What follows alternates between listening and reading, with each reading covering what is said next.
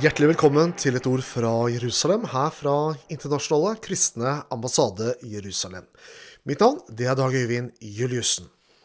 I begynnelsen av denne uken så gjennomførte Israel det tredje valget på nasjonalforsamlingen. Og eh, det som har skjedd tidligere, er at resultatet har vært så jevnt at man har ikke lykkes med å etablere en styringsdyktig regjering. Denne gangen, etter at 90% av stemmene er telt opp, så sitter Likud, som er det partiet til statsminister Benjamin Netanyahu, de fikk 36 seter i parlamentet, eller i Knesset, som det heter i, i, i landet. Og den blå-hvite alliansen, ledet av Gans, de fikk 32 seter. Og så ble det jevnt fordelt utover på de ulike partiene. Eh, det som har skjedd her, er at eh, partiet Likud har gjort det betydelig bedre enn ved de forrige valgene. Like fullt kan det hende at det blir en utfordring å få til en flertallsregjering og få til en stor nok blokk som gir et eh, flertall for, eh, for, regjeringen. Så det gjenstår å se hva man får ut av de regjeringsforhandlingene som nå kommer. Så har vi en gladnyhet her hjemme fra berget. Og det er at handelen mellom Norge og Israel, den øker. Eh, samtidig som det er eh, aktører som vil boikotte Israel, så økte den norske eksporten til Israel i fjor med nærmere 750 millioner kroner. Også importen fra Israel til Norge økte betydelig, ifølge ABC Nyheter. Tall fra Statistisk sentralbyrå viser at Norge eksporterte varer til Israel for 1,87 milliarder kroner i 2019. Og det er en vekst på 747 millioner kroner fra året før. Apropos boikott. Eh, denne boikottbevegelsen kalles for BDS-bevegelsen, som går inn for sanksjoner og boikott, og at man ikke skal investere i Israel eller i områder hvor Israel har kontroll. Og Østerrike fordømmer nå boikott av Israel som antisemittisme eller jødehat. Boikottbevegelsen eh, anerkjenner ikke det jødiske folks rett til selvbestemmelse, heter det i en resolusjon. Og den ble nylig vedtatt enstemmig i, eh, i parlamentet Eh, og den fordømmer boikott av Israel. Resolusjonen forklarer boikott av Israel som antisemittisk, og oppfordrer eh, til å ta avstand fra alle anti-israelske bevegelser. BDS har vunnet terreng i Østerrike, forteller en av medlemmene i nasjonalforsamlingen, nemlig Lukas Mandel. Og i likhet med mange, slik som det skjer i mange andre europeiske nasjoner. Og han sier den østerrikske nasjonalforsamlingens historiske beslutning om å fordømme enhver boikott av israelske varer viser at Østerrike står på Israels side. Ikke halvhjertet, men med full overbevisning. Israel er Europas viktigste partner i Midtøsten. For sikkerhet, handel og nyskapning av arbeidsplasser. Israel deler våre grunnleggende verdier om rettsstaten og demokratiet, uttalte Lukas Mandel, som altså er medlem i nasjonalforsamlingen i Østerrike. Et annet eh, medlem av eh, nasjonalforsamlingen, nemlig Martin Engelberg, omtalte resolusjonen som en sterk og symbolsk uttalelse fra det østerrikske parlamentet mot antisemittisme og antisionisme. Men eh, det er ikke bare gode nyheter fra Europa. Én av fem europeere mener jøder styrer verden. En ny undersøkelse viser tydelig at mange europeere tror på antijødiske konspirasjonsteorier og har negative holdninger mot Israel. En av fem europeere samtykker til påstanden om at et hemmelig nettverk bestående av jøder utøver betydelig innflytelse på internasjonal politikk og økonomi. En av fem respondenter at, mente at jøder utnytter holocaust til egen vinning. Undersøkelsen ble presentert på en konferanse om antisemittisme i Paris, arrangert av European Jewish Association. Den ble foretatt i desember og januar i bl.a. Storbritannia, Tyskland, Frankrike, Polen og Belgia. Og det er flere funn her. Én av fire forstår at noen hater jøder på bakgrunn av Israels politikk. Én av fire var ikke enig i at Israels kamp mot sine fiender er legitim. Mer enn én av tre mener at mitt folk led like mye som jødefolket under andre verdenskrig.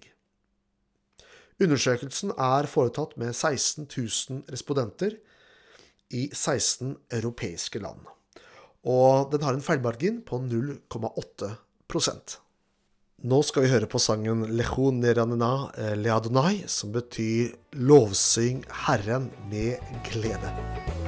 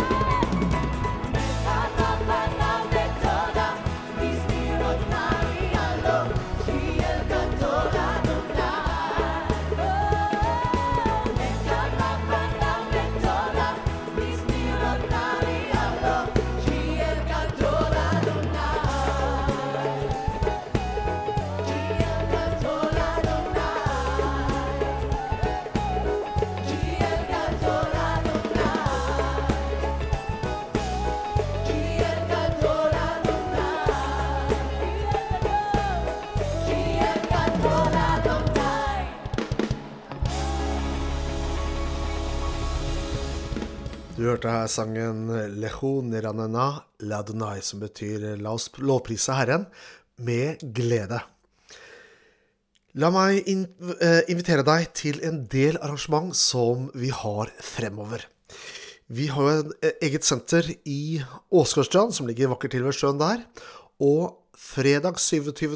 og lørdag 28. mars inviterer vi ungdommer til en eh, samling med overnatting på hotellet her, og med seminarer og undervisning, mat, gøy og fellesskap.